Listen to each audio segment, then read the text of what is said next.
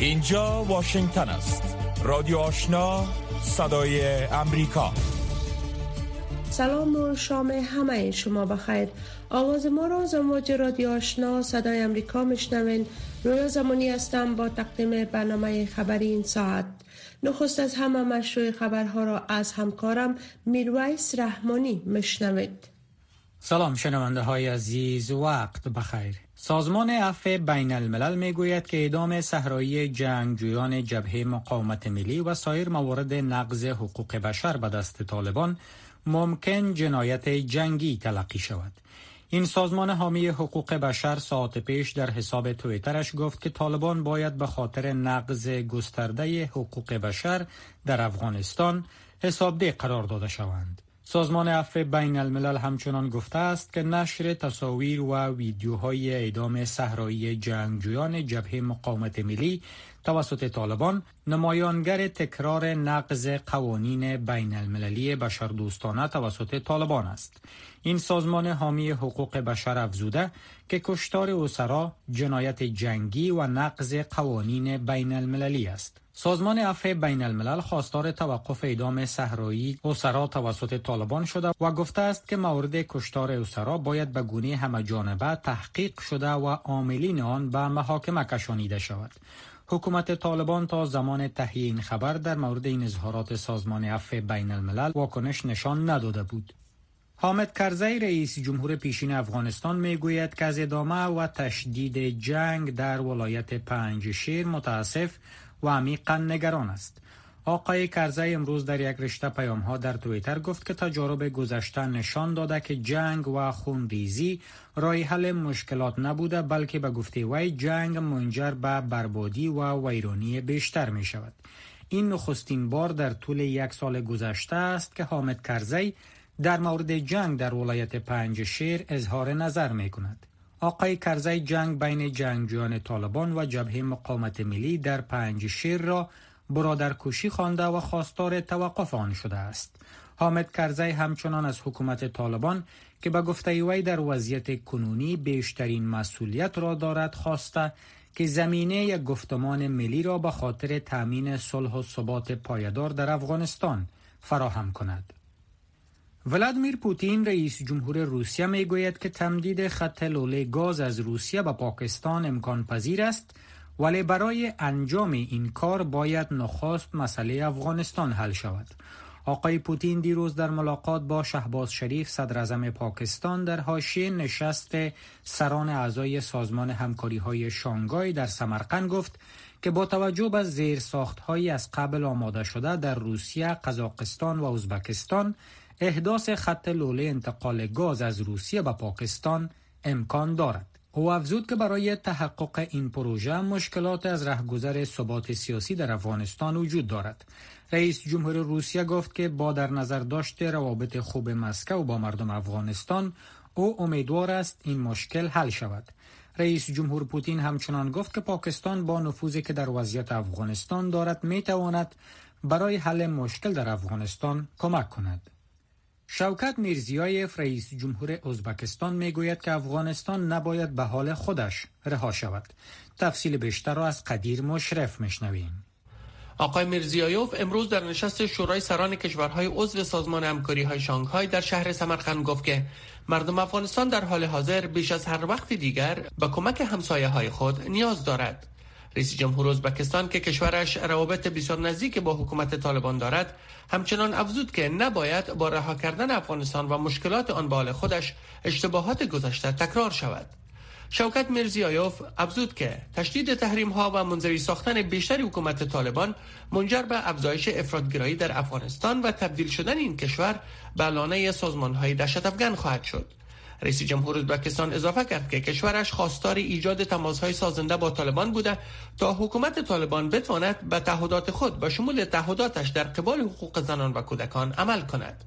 او پیشنهاد صندوق ویژه حمایت از مقاصد بشردوستانه را در شهرک مرزی ترمز به خاطر رسیدگی به بحران اجتماعی و تطبیق برنامه های آموزشی در افغانستان نیز کرد. نشست سران اعضای سازمان همکاری های شانگهای بدون حضور نمایندگان افغانستان که عضو ناظر این سازمان است برگزار شده است حکومت طالبان ایالات متحده را به غصب دارایی های افغانستان متهم کرد. زبی الله مجاهد سخنگوی حکومت طالبان به خبرگزاری فرانس پرس گفته است که تصمیم ایالات متحده مبنی بر انتقال 3.5 میلیارد دلار ذخایر ارزی بانک مرکزی افغانستان به یک صندوق امانت در یکی از بانک های سوئیس غصب و اشغال دارایی های مردم افغانستان بوده چون به گفته و ایالات متحده مالک این دارایی ها نمی باشد. سخنگوی حکومت طالبان همچنان خواستار آزاد شدن بدون قید و شرط ذخایر ارزی افغانستان شد. وزارت خزاین ایالات متحده روز چهارشنبه از انتقال دارایی های بانک مرکزی افغانستان به یک صندوق امانت در یکی از بانک های سوئیس خبر داد و گفت که این پول در اختیار بانک مرکزی افغانستان که زیر کنترل طالبان است قرار دادن نخواهد شد. از سوی هم وزارت خارجه طالبان وقت دیروز با نشر اعلامیه تهدید کرده که اگر ذخایر ارزی بانک مرکزی افغانستان بدون در نظر داشته خواست حکومت طالبان به مصرف برسد حکومت طالبان بر تمام افراد، نهادها و شرکتهایی که در انتقال این ذخایر ارزی و مصرف کردن آن برای کمک های بشردوستانه و سایر مقاصد دخیلند جریمه و بر فعالیت آنان ممنوعیت وضع خواهد کرد. ابراهیم رئیسی رئیس جمهور ایران می‌گوید که تحریم های فلج کننده ایالات متحده بر راحل های جدید نیاز دارد. جزیات بیشتر را از مومن واحدی میشنویم. رئیس جمهور ایران امروز در نشست سران اعضای سازمان همکاری های شانگهای گفت که این سازمان می تواند با یک جانبگرایی ایالات متحده مقابله کند. ابراهیم رئیسی همچنان خواستار توسعه تجارت آزاد میان کشورهای عضو این سازمان شد. و گفت که همکاری های مالی و بانکداری باید میان این کشورها بیشتر شود. رئیس جمهور ایران از کشورهای عضو سازمان همکاری های شانگهای خواست تا راه حل های جدید را برای مبارزه با تحریم های اقتصادی ایالات متحده پیدا کنند. ایران که در پی مبارزه با انزوای اقتصادی اعمال شده از سوی امریکاست دیروز با امضای توافقنامه خواستار عضویت دائمی در سازمان همکاری های شانگهای شد. این سازمان در سال 2001 با عضویت چین، روسیه و کشورهای آسیای میانه ایجاد شد. اما چهار سال پیش پاکستان و هند نیز عضویت این سازمان را کسب کردند. اولف شولز صدر آلمان می‌گوید که کشورش آماده است تا نقش رهبری کننده تامین امنیت در اروپا را بر عهده بگیرد آقای شولز امروز گفت که او اردوی آلمان را به مجهزترین اردوی قاره اروپا مبدل خواهد کرد. صدر آلمان همچنان ولادیمیر پوتین رئیس جمهور روسیه را بزرگترین تهدید برای ناتو خواند و گفت که اروپا باید آماده مواجه شدن با چالش ها باشد. او در جمعی از نظامیان کشورش گفت که آلمان به حیث پرجمعیت ترین و بزرگترین اقتصاد اروپا باید یک اردوی داشته باشد که از لحاظ داشتن تجهیزات در اروپا بهترین باشد. صدر آلمان افزود که اردوی کشورش از دیر زمان مصروف انجام کمک های بشر دوستانه بوده اما به گفته وی این مأموریت اصلی اردوی آلمان نیست و وظیفه اصلی آن دفاع از آزادی در اروپا می باشد. پایان خبرها تلویزیون آشنا دریچه شما و سوی جهان نه تنها در صفحه تلویزیون بلکه در صفحه اختصاصی فیسبوک تلویزیون آشنا. در وبسایت دری با آدرس voanews.com دری. در یوتیوب با آدرس voa افغانستان دری. و در صفحه اینترنتی تویتر. تلویزیون آشنا در هر زمان و هر مکان پیوند دهنده شما با جهان. شنونده های محترم شما مشروع خبرها را شنیدید و حالا می پردازیم به گزارش های این بخش برنامه. در نخستین گزارش جان بولتن مشاور پیشین امنیت ملی امریکا می‌گوید که پس از به قدرت رسیدن دوباره طالبان تمام جهان باید نگران حجوم فزاینده دهشت افغانان خارجی به افغانستان باشد. آقای بولتن همچنان ادعا کرد که طالبان هرگز قصد رعایت توافق دوحه را نداشتند که شامل احترام به حقوق زنان و دختران برای کار و آموزش می باشد جزیات مصاحبه همکارم نجیبه خلیل را با جان بولتن مشاور پیشین امنیت ملی امریکا مشنوید آقای سفیر نظر شما در مورد کشته شدن ایمن از زواهری رهبر القاعده در کابل چیست؟ خب فکر می‌کنم او کاملا سزاوار مرگ بود. او سالها تروریست بود و مردم بیگناه بسیاری را کشته بود. به نظر من این نشان می‌دهد که با وجود خروج از افغانستان ایالات متحده همچنان برای جلوگیری از حملات تروریستی تلاش می‌کند. اما همچنان نشان می‌دهد که رابطه بین القاعده و طالبان چقدر نزدیک است که الزواهری در خانه رهبر طالبان بود. این نشان می‌دهد که آنها احساس می‌کردند که در کابل پایتخت افغانستان کاملا امن هستند. اقدامات احتیاطی امنیتی دیگری وجود نداشت. میشنیدم که او هر روز در بالکنی منزلش خود را آفتاب می‌داد. بدون موجودیت هیچ یک نگهبانی. اکنون همه چیز تغییر خواهد کرد. زیرا طالبان و القاعده متوجه می‌شوند که هنوز در معرض خطر هستند. با توجه به رابطه القاعده و طالبان آیا شما با عنوان یک شهروند و مقام سابق امریکایی فکر می‌کنین که با بودن طالبان در قدرت احتمال تهدید حمله دیگر مانند حملات 11 سپتامبر موجود است؟ Uh,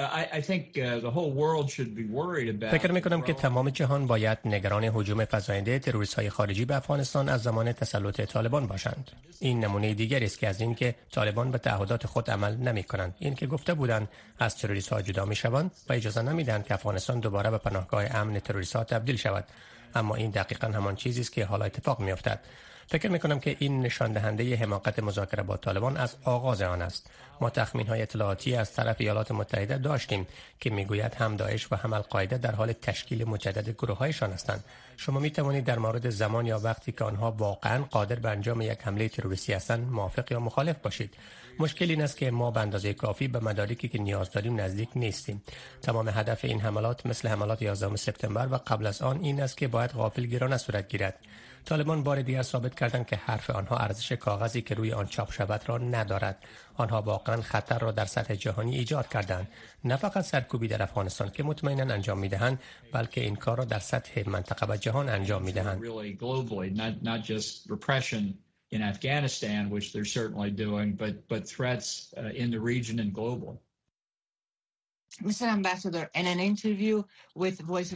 آقای سفیر جنرال مکنزی و جنرال ووتل در مصاحبه با صدای امریکا گفتند که خروج نیروهای امریکا از افغانستان امریکا را مسئولتر نساخت بلکه موجودیت طالبان و قدرت باعث ایجاد تهدید منطقه‌ای شده است. و نظر شما آیا امریکا مسئول شده یا کمتر مسئول است؟ فکر می کنم که امریکا در حال حاضر واضحا بیشتر در معرض خطر است. این اظهارات جنرال مکنزی و جنرال ووتل پس از پایان خدمتشان در اردو که چه در اداره رئیس جمهور ترامپ و چه در اداره رئیس جمهور بایدن می گفتند درست ثابت شد. آنها می گفتند خروج نیروهای امریکایی و ناتو از افغانستان اشتباه است زیرا این ما را بیشتر در معرض خطر حملات تروریستی قرار می دهد. بی‌ثباتی را در آسیای مرکزی ایجاد می کند. این امر به روسها و چینی ها کمک می کند و در نهایت این اقدام برای مردم افغانستان مشکلات وحشتناکی را در پی خواهد داشت.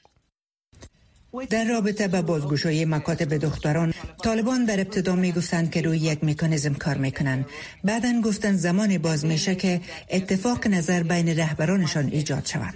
حالا موضوع مشکلات فرهنگی و مخالفت والدین دختران را در میان گذاشتند برداشت شما چی است؟ خب این نمونه دیگری از تعهدات طالبان در توافق با ایالات متحده است تا ما از افغانستان خارج شویم.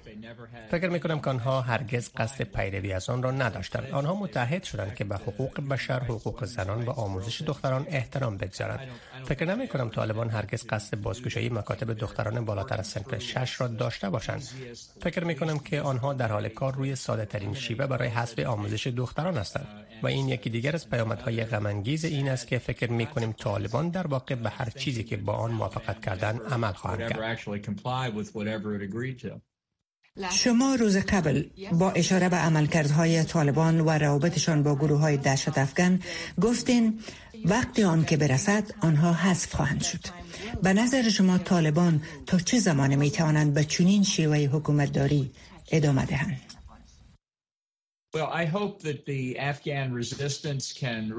خب امیدوارم که مقاومت افغانستان بتواند به زودی دوباره حضور خود را در داخل افغانستان داشته باشد. فکر می کنم دیدن طالبان که کمی بیشتر از یک سال به قدرت رسیدن جالب بوده است.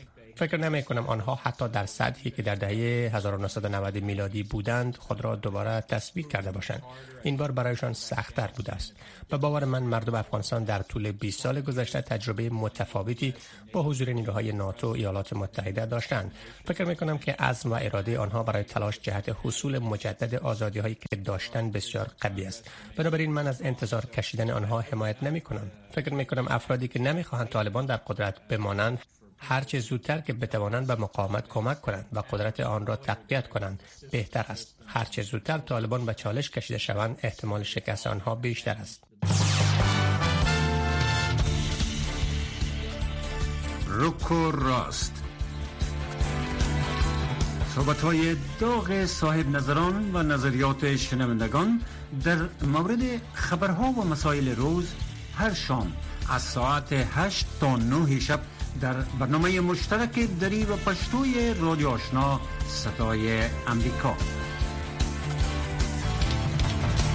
در ادامه گزارش ها یک استاد دانشگاه جورج تاون در شهر واشنگتن دی سی می گوید که زنان مسلمان می توانند در مذاکرات سال و حل مشکلات در یک کشور نقش معصر بازی کنند. آیشا کدفیاچی اورلانو که در بخش مذاکرات برای حل منازعات تدریس می کند معتقد است که زنان در مقاطع تاریخی در کشورهای مختلف به شمول افغانستان توانستند در مذاکرات و رسیدن به توافقات نقش مهم بازی کنند. این استاد دانشگاه در صحبت با همکارم شیلا نوری در مورد دفتر رهنما برای زنان مسلمان در مذاکرات سال که اخیرا تهیه کرده چنین توضیح داد. هدف تهیه این رهنما کمک برای زنان مسلمان است که بتوانند در چارچوکات های مختلف مذاکره نمایند چی در ملاقات های رسمی و چی غیر رسمی باشد. این رهنما مشابه رهنمایی های معمولی مذاکرات نیست بلکه بیشتر بر طبق اساسات ایدئولوژی قانونی و شرعی اسلام برای پیدا کردن راه آمیز از طریق مذاکره بوده و برای پیشبرد مساوات جنسیتی است. به همین هدف ما این رهنما را به دو بخش تقسیم کردیم. ما بخش از آن را با استناد قرآن و شواهد تاریخی درست کردیم تا به طور مناسب سنت احیای سال و مذاکره را منعکس بسازد و در بخش اول چارچوکات آن طبق آیات قرآن حدیث و سنت می باشد و ما انواع استراتژی ها و روش ها را برای مذاکره کنندگان زن درست کردیم که آنها بتوانند با مشکلات خاص در زمان مذاکره مبارزه کنند. به طور مثال ما نشان دادیم که حضرت محمد پیامبر اسلام از مذاکره و دیپلماسی برای راه حل جنگ و برقراری صلح استفاده می‌کرد و همسر او یک معلم و خانم تجارت پیشه بود و مذاکره کننده بسیار خوبی بود. و در زمان مذاکرات قدایفه در تیم مذاکره کننده حضرت محمد دو زن شامل بودند. به همین خاطر در بخش دوم این رهنما در قسمت عدالت جنسیتی به اساس ادعاهای نظری و شرعی اسلام درد شده است.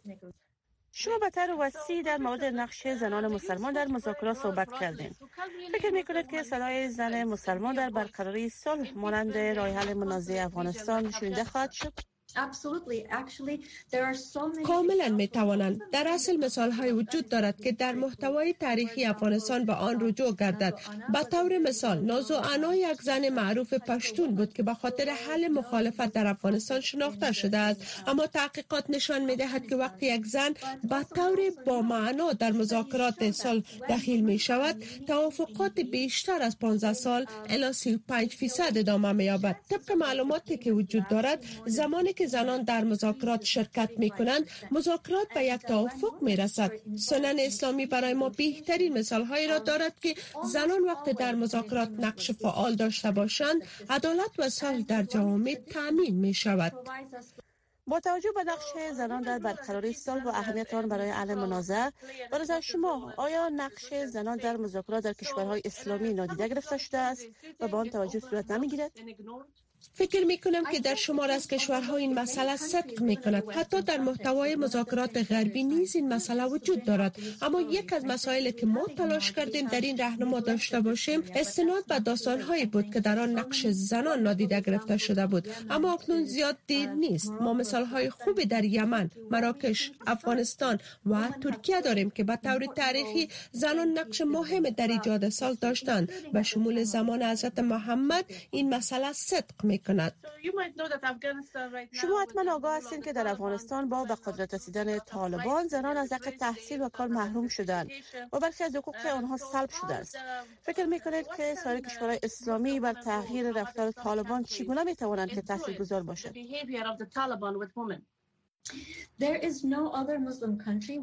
هیچ کشور مسلمان دیگر وجود ندارد که در آن دختران از حق تحصیل باز مانده باشند. به جز رهبری طالبان. از عربستان سعودی گرفته امارات عربی و ترکیه دختران مسلمان در مقایسه با پسران بیشتر به مکتب می روند در اصل در مقایسه با ایالات متحده در برخی از کشورهای اسلامی به شمول عربستان سعودی ایران و ترکیه در بخشهای علوم و انجینیری زنان تحصیلات عالی دارند. نمونه های زیادی وجود دارد که زنان در عرصه های مختلف زندگی در سراسر جهان نقش بارز دارند و در اکثر کشورهای مسلمان در بخش تحصیل مساوات جنسیتی در نظر گرفته شده است که نه تنها برای اجتماع مردم مهم است بلکه زنان می توانند تحصیل کنند. اگر به سنت پیامبر اسلام نظر بیاندازیم او از زنان و مردان مسلمان خواسته است که تحصیل کنند و محروم ساختن زنان از حق تحصیل در مخالفت با دستورات پیامبر است.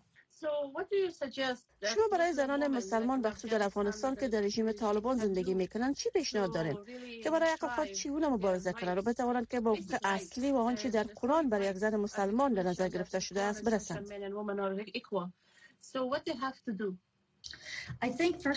فکر می کنم که نخست از همه باید زنان با دسترسی به علوم اسلامی خود را آگاه بسازند و حقوق خود را بدانند که از طرف خداوند برای آنان داده شده است و یک حق اسلامی است. این حقوق را برای آنها خارجی ها نداده است و باید همیشه مذاکره کنند و از این طریق در برابر کسانی که مانع آن می شود توانایی پیدا کنند و همزمان در بین علمای دینی جهان متحدین خود را پیدا کنند که برای اعاده حقوق شرعی آنها مبارزه مبارزه کنند و این حق را برای آنها خداوند داده است و نباید کسی آن را از آنها بگیرد.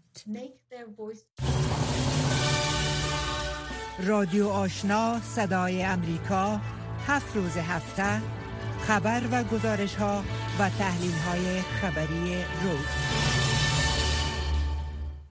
در ادامه گزارش ها جو بایدن رئیس جمهوری ایالات متحده از قانونگذاران و سکتور خصوصی کشورش خواست تا به خاطر بهبود وضعیت جامعه از خشونت های ناشی از تنفر اقدامات بیشتر انجام دهند. آقای بایدن این اظهارات را روز گذشته در نخستین گرد همایی که به خاطر مبارزه با خشونت های ناشی از تنفر به ویژه خشونت های مبتنی بر برتری نژادی در قصر سفید برگزار شده بود بیان کرد.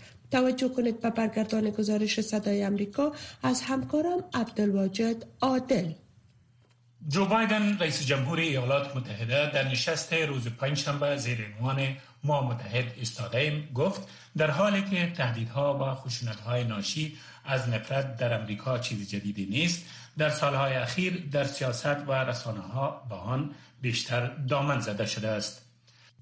جو بایدن در این نشست رویداد تظاهرات برتری نژاد سفید در سال 2017 در شالزول ورجینیا را که منجر به کشته شدن یک معترض متقابل شد بازگو کرد.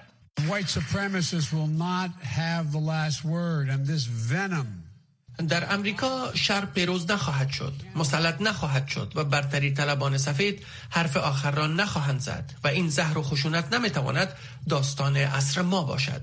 قصر سفید گفت که این نشست از جوامعی که حملات مبتنی بر نفرت را پشت سر گذاشتند تجلیل می کند احصائیه هایی را که اف به نشر رسانیده است نشان می دهد که جرایم ناشی از نفرت در سالهای اخیر افزایش یافته است.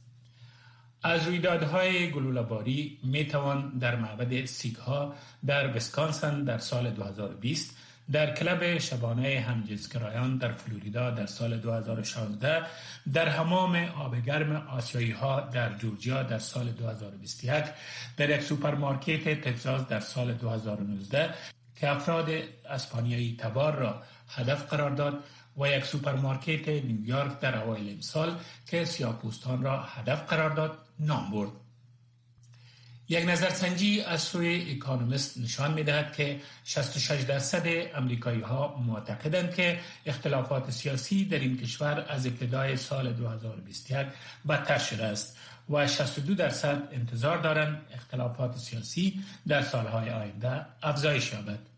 فیلیس گرستنفیلد استاد عدالت جنایی در پانتون ایالتی کالیفرنیا می‌گوید. That's been a major factor for the last six years where we hear این یک عامل مهم در شش سال گذشته است. جایی که ما میشنویم که سیاستمداران برجسته چیزهایی می‌گویند که کاملا با آنچه برتری طلبان سفید پوست و سایر افرادگرایان می‌گویند مطابقت دارد.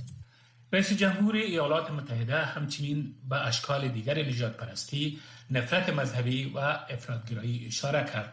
بایدن از کانگرس خواست قوانینی را تصویب کند که پلتفرم های رسانه های اجتماعی را برای گسترش خشونت ناشی از نفرت مسئول نگه دارد. منتقدان آقای بایدن استدلال می کنند که رئیس جمهور خودش در حال دامن زدن به تفرقه است زیرا به گفته آنان او حملات خود را در هفته های اخیر علیه جمهوری خواهان به اصطلاح ماگا پیروان وفادار به دانالد ترامپ رئیس جمهور سابق با استناد به لفاظی های سیاسی تون که شامل متهم کردن آنها به نیمه فاشیزم است افزایش داده است. از جمله ابتکارات جدیدی که در اجلاس با متحد استاده اعلام شد یک میلیارد دلار سرمایه گذاری جدید از سوی خیررسانان برای تقویت برنامه های با هدف تقویت صلح احترام و همکاری میان امریکایی ها با پیشینه مختلف می باشد. رادیو آشنا صدای امریکا هفت روز هفته خبر و گزارش ها و تحلیل های خبری روز. در آخرین گزارش این بخش برنامه.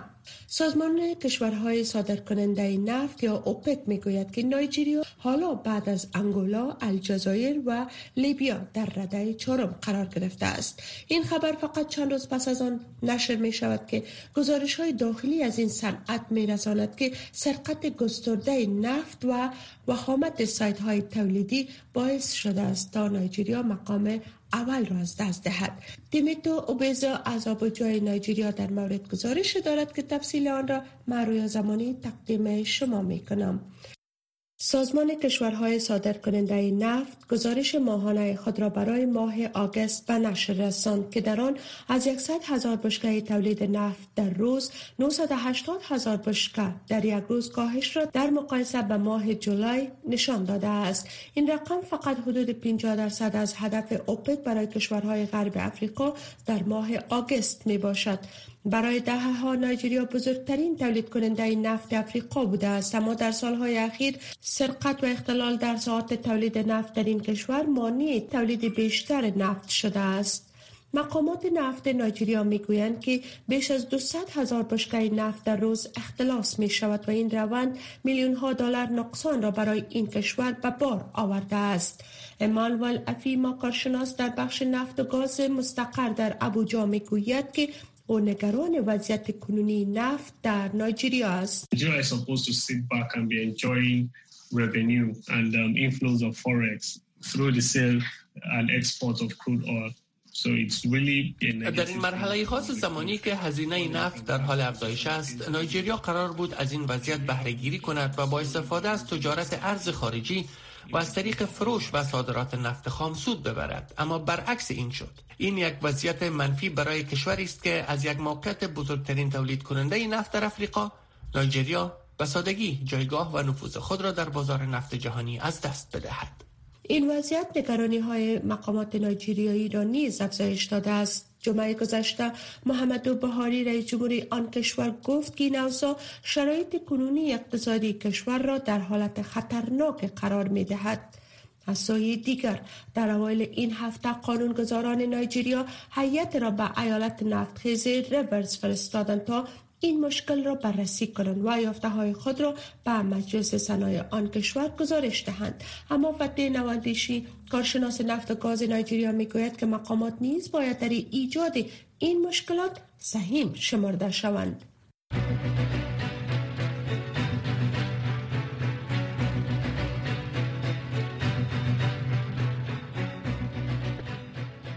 شنونده های محترم این بود داشته های این بخش برنامه که تقدیم شما شد.